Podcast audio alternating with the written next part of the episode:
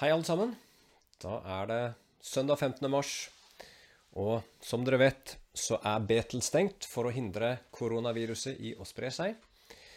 Og det er det nok de aller fleste steder i landet akkurat nå. Kirker og bedehus er stengt i solidaritet med det norske samfunnet for å prøve å hindre at dette her blir til en altfor intens epidemi. Nå er det heldigvis sånn at i den tiden vi lever, så finnes det gode hjelpemidler som kan hjelpe oss til å holde kontakt allikevel, selv om vi ikke kan samles, og ikke minst gi oss mulighet til å få høre Guds ord. Så det vi kommer til å gjøre nå framover, i hvert fall hver søndag, er at det blir lagt ut en video, sånn som denne videoen her, eh, hvor dere får høre Guds ord og forkynnelse. Forhåpentligvis så får vi til enda mer enn det. Vi får se der. Uansett så vil jeg i hvert fall oppfordre dere i dag og hver søndag framover, når denne videoen kommer, til ikke bare å se på videoen, men eh, be i hjemmene deres. Er dere flere i husstanden, så samle dere og be sammen, og syng gjerne til Gud, og la det bli en, en del av en gudstjeneste. Så det kommer vi til å gjøre. Så der eh, blir det lagt ut jevnlig både på websiden vår og på Facebook-gruppa vår videoer som dere kan se på. I tillegg så har vi oppretta en Facebook-gruppe som er i tillegg til den vanlige Betel Facebook-siden vår, som vi har kalt Aktive på Betel. Så denne gruppa kan du bli medlem i hvis du ikke er det, og være med på at vi deler tanker, bønner, oppmuntringer eh, og behov som vi har underveis. I tillegg til det så er vi veldig glade for å fortelle at det blir fortsatt bønnemøter i uka som kommer. Men vi kommer ikke til å ha bønnemøter på Betel, slik vi har pleid å gjøre. Det kommer til å foregå på Skype. Vi jobber nå med en løsning som skal være veldig enkel. Antageligvis blir det lagt ut en link på både Facebook-sidene og eh, som også kommer på e-post, hvor dere bare kan klikke dere inn, og så skal dere komme rett inn i en konferansesamtale hvor dere kan være med og be sammen med oss fra klokka åtte til ni tirsdag til lørdag. Mer informasjon om det kommer på Facebook og websiden osv. på e-post og selvsagt da. Til slutt så vil vi også bare si at uh, vi er tilgjengelige her uh, fra Betel på vårt vanlige telefonnummer 51 43 48 46. Det kommer kanskje på skjermen her, i hvert fall så blir det uh, nede under videoen. Eh, og eh, vi vil også oppmuntre dere alle sammen til å ha jevnlig kontakt med hverandre på telefon. Selv om vi helst bør unngå fysisk kontakt, så er det viktig at vi allikevel får prata sammen, vi kan be sammen på telefon, og vi kan ha åndelig fellesskap selv om vi ikke har mulighet til å være fysisk nær hverandre. Så det var litt praktisk informasjon først. Nå kommer vi til det som brenner i mitt hjerte, nemlig at vi skal venne oss til Guds ord og høre hva Gud har å si til oss. Vi tar en eh, pause i forkynnelsen denne helgen når det gjelder Johannes' åpenbaring. Forhåpentligvis, hvis Gud vil, så eh, fortsetter vi der vi slapp i neste uke. Men eh, i dag så har jeg lyst til å lese noen vers til dere fra Matteus kapittel 10 og vers 28 til 30. Matteus kapittel 10, og så skal vi lese fra vers 28 til 30. 30. Og der står det Og frykt ikke for dem som dreper kroppen, men som ikke kan drepe sjelen. Frykt heller ham som er i stand til å ødelegge både sjel og kropp i helvete. Blir ikke to spurver solgt for en kobbermynt, og ikke én av dem faller til jorden uten deres fars vilje. Men til og med alle hårene på hodet deres er talt. Frykt derfor ikke, dere er mer verdt enn mange spurver. La oss begynne med å be en bønn. Kjære himmelske Far, vi takker deg fordi at ditt ord er ikke bundet, som Paulus sa til Timoteus. Herre, om han satt i fengsel og ikke kunne bringe ordet ut, Herre, så ble ditt ord allikevel brakt ut av andre og på andre måter. Og Herre, takk at selv om vi ikke nå har mulighet til å samles og eh, forkynne ditt ord på Betel og i samlinger rundt omkring, Herre, så kan vi allikevel, ved din nåde, få ordet ut. Få den åndelige maten vi trenger, og få den eh, det lyset vi trenger, Herre Jesus, for å bli rettledet av deg. Så bare hjelp meg nå, Gud, til å formidle ordet på en god og sann og rett måte. Må det være fra deg, må det være sant, og må det bli levende i våre hjerter ved Din Hellige Ånd, vi ber. I Jesu navn. Amen. Ok, i dag så har jeg satt som tittel 'Tid for å flytte blikket'. En trygg tro i koronavirusets tid. Så det er også tid for å flytte blikket. Og jeg har tre punkter i dag, som jeg ofte pleier å ha. For det første, flytt din frykt. For det andre, flytt din trygghet. Og sist, men ikke minst, flytt din glede. Ok, la oss ta det første punktet. Flytt din frykt. Det som vi nettopp leste nå, er noe Jesus forteller i en kontekst som har med forfølgelse å gjøre. Han forteller at han kommer til å bli forfulgt, og at det faktisk også kommer til å koste ham livet. Og dermed så kan ikke de som er hans disipler, heller vente seg noen bedre behandling. Men, sier han, de trenger ikke å frykte. De trenger ikke å frykte disse menneskene som bare kan ødelegge kroppen, men ikke ødelegge sjelen. Det er han som kan ødelegge både kropp og sjel, som vi må frykte. Det vi står i akkurat nå, og som vi bare så vidt aner konturene av, nemlig denne virusepidemien som er på trappene, er nok ikke helt det samme som det Jesus prater om her. Men jeg vil påstå allikevel at prinsippet allikevel gjelder. For dette her handler om å ikke frykte det som ikke har konsekvenser for vår evighet, men heller å frykte de ting som faktisk har konsekvenser for vår evighet.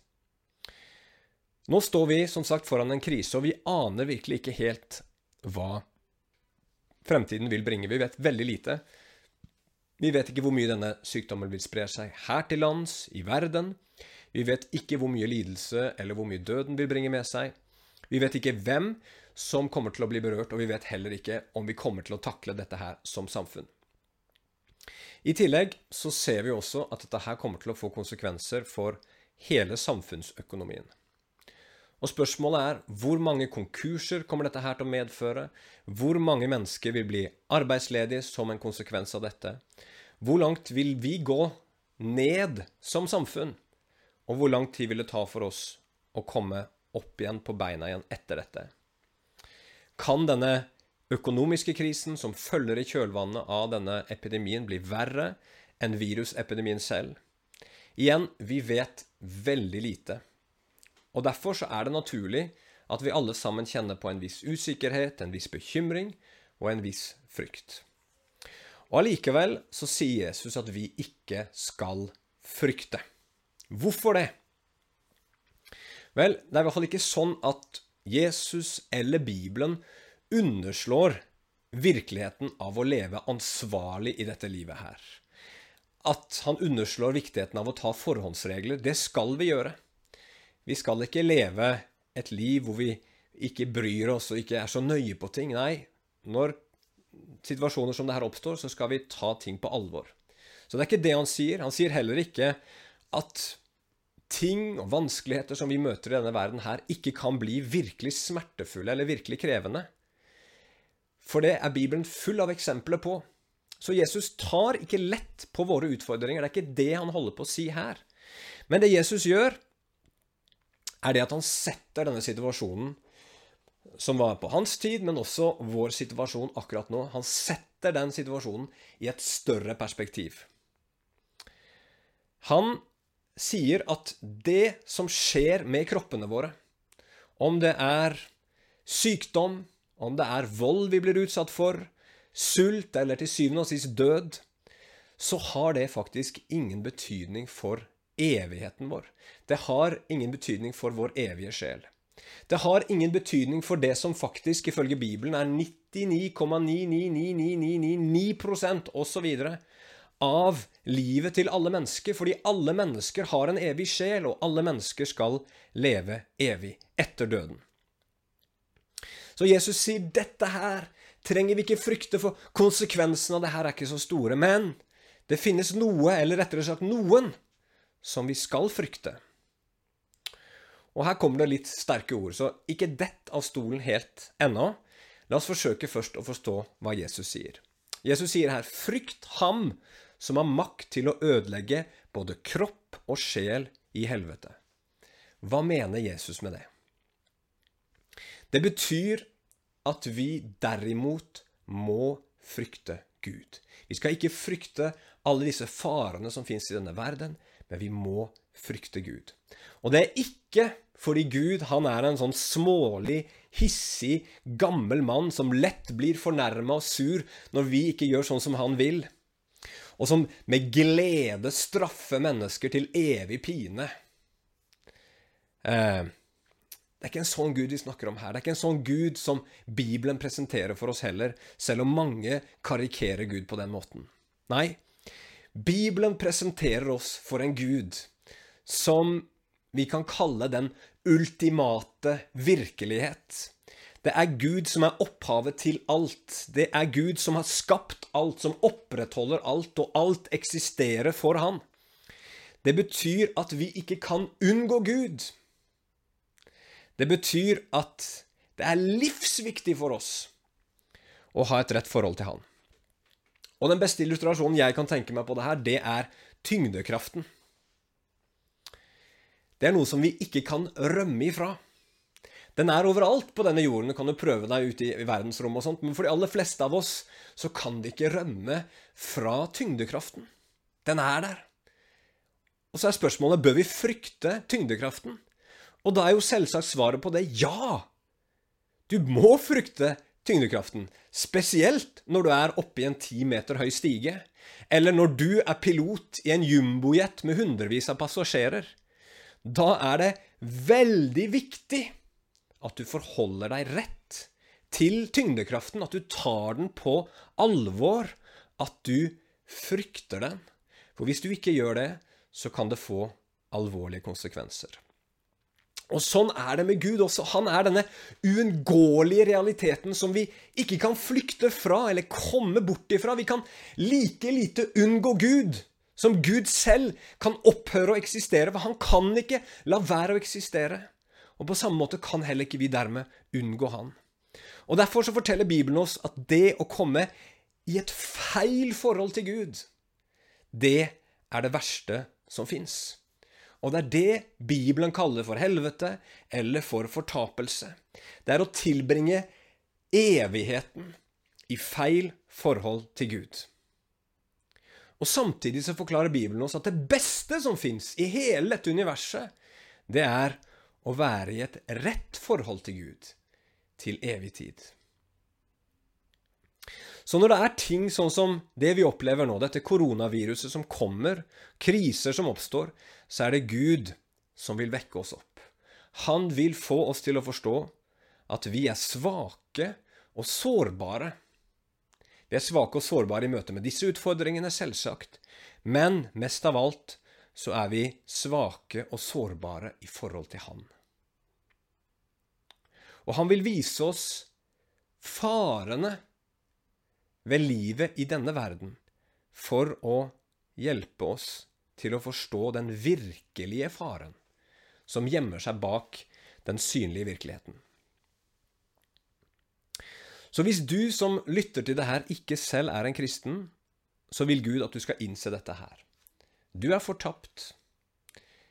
Og det er du for du er en synder framfor en god og en hellig Gud. Du er i fare fordi ditt hjerte er i opprør mot din skaper.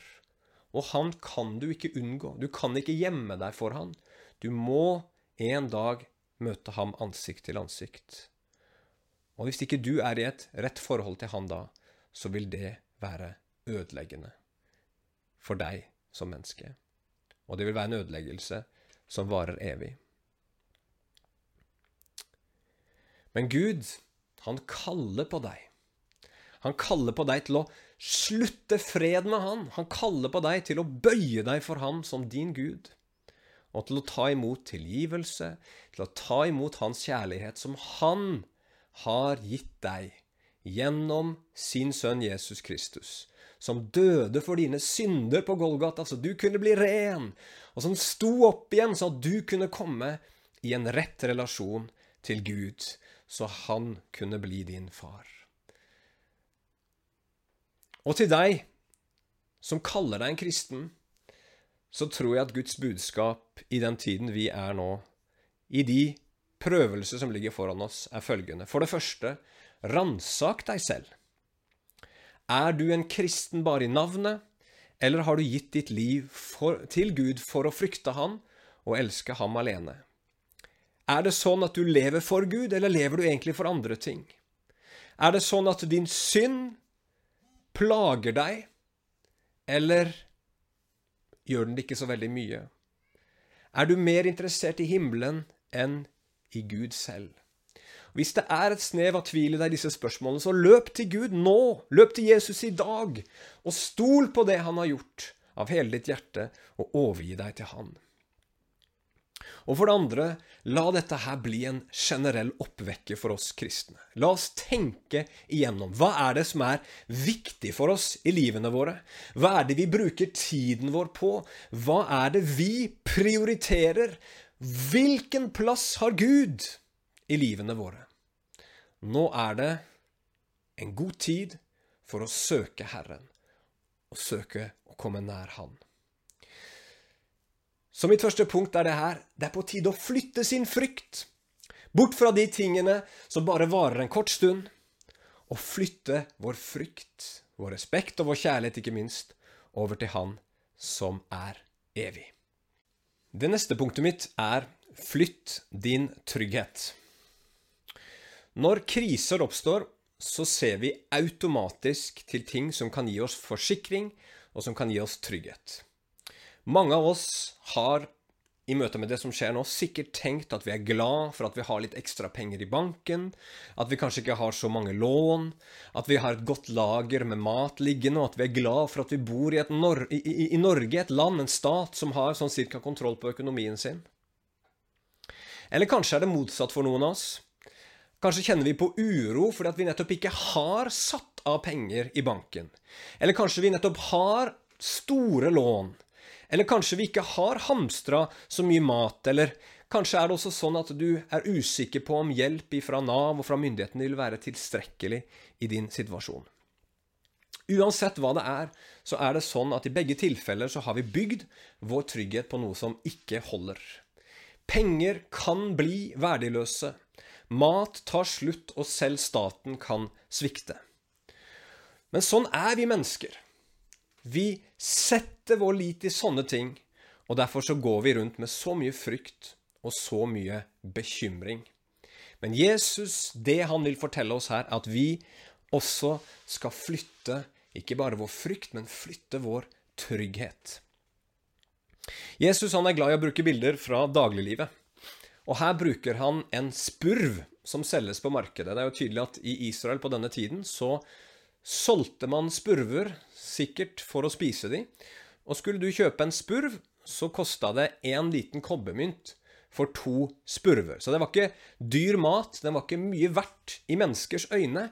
Men, sier Jesus, denne spurven, som er så verdiløs i våre øyne, den faller ikke til jorden uten min far, sier Jesus. Hva betyr det? Jo, det Jesus prøver å fortelle oss her, det er at Gud er allmektig, at Gud er allvitende, og ikke minst at Gud er full av omsorg. Hans allmakt er sånn at når, selv når en liten spurv dør, så skjer det fordi Gud har tillatt det. Hvis Gud ikke tillot at den spurven skulle dø, så ville ikke den spurven dødd. Og mange kristne tenker at å se på Gud på den måten, som en Gud som på en måte har kontroll i så små ting, det er veldig overdrevet. Det er mye som skjer som ikke er Guds vilje, sier man. Eh, men eh, Det er noe sant i det. Men, men allikevel så mener jeg at skal vi virkelig ta Bibelen på alvor, så er det faktisk sånn at ingenting skjer uten Guds tillatelse. Det står nemlig i Bibelen, f.eks. i Hebreerne kapittel 1, at Gud opprettholder alle ting ved sin munns ord. Altså, det er Gud som opprettholder hvert eneste molekyl i hele universet. De eksisterer fordi han vil at de skal eksistere. De fungerer fordi han vil at de skal fungere. Og Derfor så kan ingenting skje uten at Gud på en eller annen måte godkjenner det og aksepterer det. Det betyr på ingen måte at alt det som skjer i samfunnet og i verden i dag, er ting som Gud ønsker. Men det skjer allikevel fordi Gud tillater det. Og det gir en enorm sjelefred, samtidig som det hjelper oss til ikke havne inn i passivitet og fatalisme. Fordi at Siden vi vet at Gud ikke nødvendigvis ønsker disse tingene, så kan vi be til Gud, rope til Gud når vanskelige og krevende ting skjer. Og så vil vi ofte oppleve at Gud griper inn. Men samtidig, hvis ikke ting skjer, så kan vi likevel ha en dyp fred. Fordi vi vet at hvis Gud tillater dette å skje, så har han en god hensikt med det. Dette her er vanskelige spørsmål, og det er ikke så lett å forstå hva det vil si at Gud er allmektig. At han vet alt, at han ser alt. Men Bibelen forventer heller ikke at vi skal forstå det, men at vi bare skal stole på Gud. Når denne spurven nevnes, som faller til jorden, så er også Guds allvitenhet inne i bildet. Han ser den lille spurven. Eh, og, Jesus gjør det enda mer ekstremt enn å si at Gud ser alle disse små spurvene som flyr rundt omkring. Han forteller til dem at Gud har telt hvert eneste hår på hodene våre. Altså, Gud vet når du mister et hårstrå. Han vet det. Så allvitende og så nær er Gud. Og så er spørsmålet hvorfor er Gud så interessert at han teller hårstråene på våre hoder? Jo, det er fordi han har omsorg. Han har omsorg for dyrene han har skapt, og i enda større grad så har han omsorg for oss mennesker som er skapt i hans bilde. Vi har stor verdi for ham. Betyr det at du og jeg kommer til å slippe unna alle problemer i dette livet og i denne tiden? Nei, det gjør det ikke. Bibelen er tydelig på det. Det kommer til å bli krevende også for oss kristne. Og vi må være forberedt på det. Men betyr det kanskje da at jeg slipper å bli syk, at Gud kommer til å bevare meg fra denne, dette koronaviruset? Vel, jeg tror på en Gud som både helbreder og beskytter fra sykdom, men jeg er ikke helt sikker på om vi kan forvente at vi som er kristne, nødvendigvis skal bli uberørt og gå klar av denne krisen og dette viruset. Selv Salme 91, som er en veldig sterk salme om Guds beskyttelse, sier samtidig mot slutten av salmen at Gud er med i trengsel. At selv om Guds beskyttelse er der, så betyr ikke det at ikke vi må også gå gjennom vanskelige ting. Så hvis du blir syk, hvis du blir berørt av dette koronaviruset, så hvil i Gud. Siden Bibelen sier at han er allmektig, allvitende og har full kontroll, og i tillegg har omsorg for deg, så kommer det til å gå bra med deg. Alle som tror på Jesus, pleier jeg å si, blir helbreda til slutt. Det går bra til slutt. Det er ikke sikkert at du kommer til å overleve dette livet. Nei, det kommer du garantert ikke til å gjøre, men det kommer til å gå bra til slutt. Så flytt din trygghet. Du kommer til å dø. Og den dagen du skal dø, så kan ikke penger, staten eller noe i denne verden hjelpe deg, men stoler du på Gud og på det Jesus har gjort for deg, så sier Bibelen at du skal leve om du enn dør. Og da har vi kommet til det siste punktet mitt. Det siste jeg vil si noe om, det er å flytte sin glede. Sant nok så snakker ikke Jesus direkte om glede her, men han sier noe som hinter til det. Og hva er det? Jo, han sier at du og jeg er verdt mer enn mange spurver. Og vi kan jo lure litt på ja, hva mener han med det? Hvor mange spurver er det snakk om? Hvor verdifulle er vi for Gud? Og Jesus han svarer ikke på det her, men han svarer på det senere i Matteusevangeliet, i Markusevangeliet, i Lukasevangeliet og i Johannesevangeliet.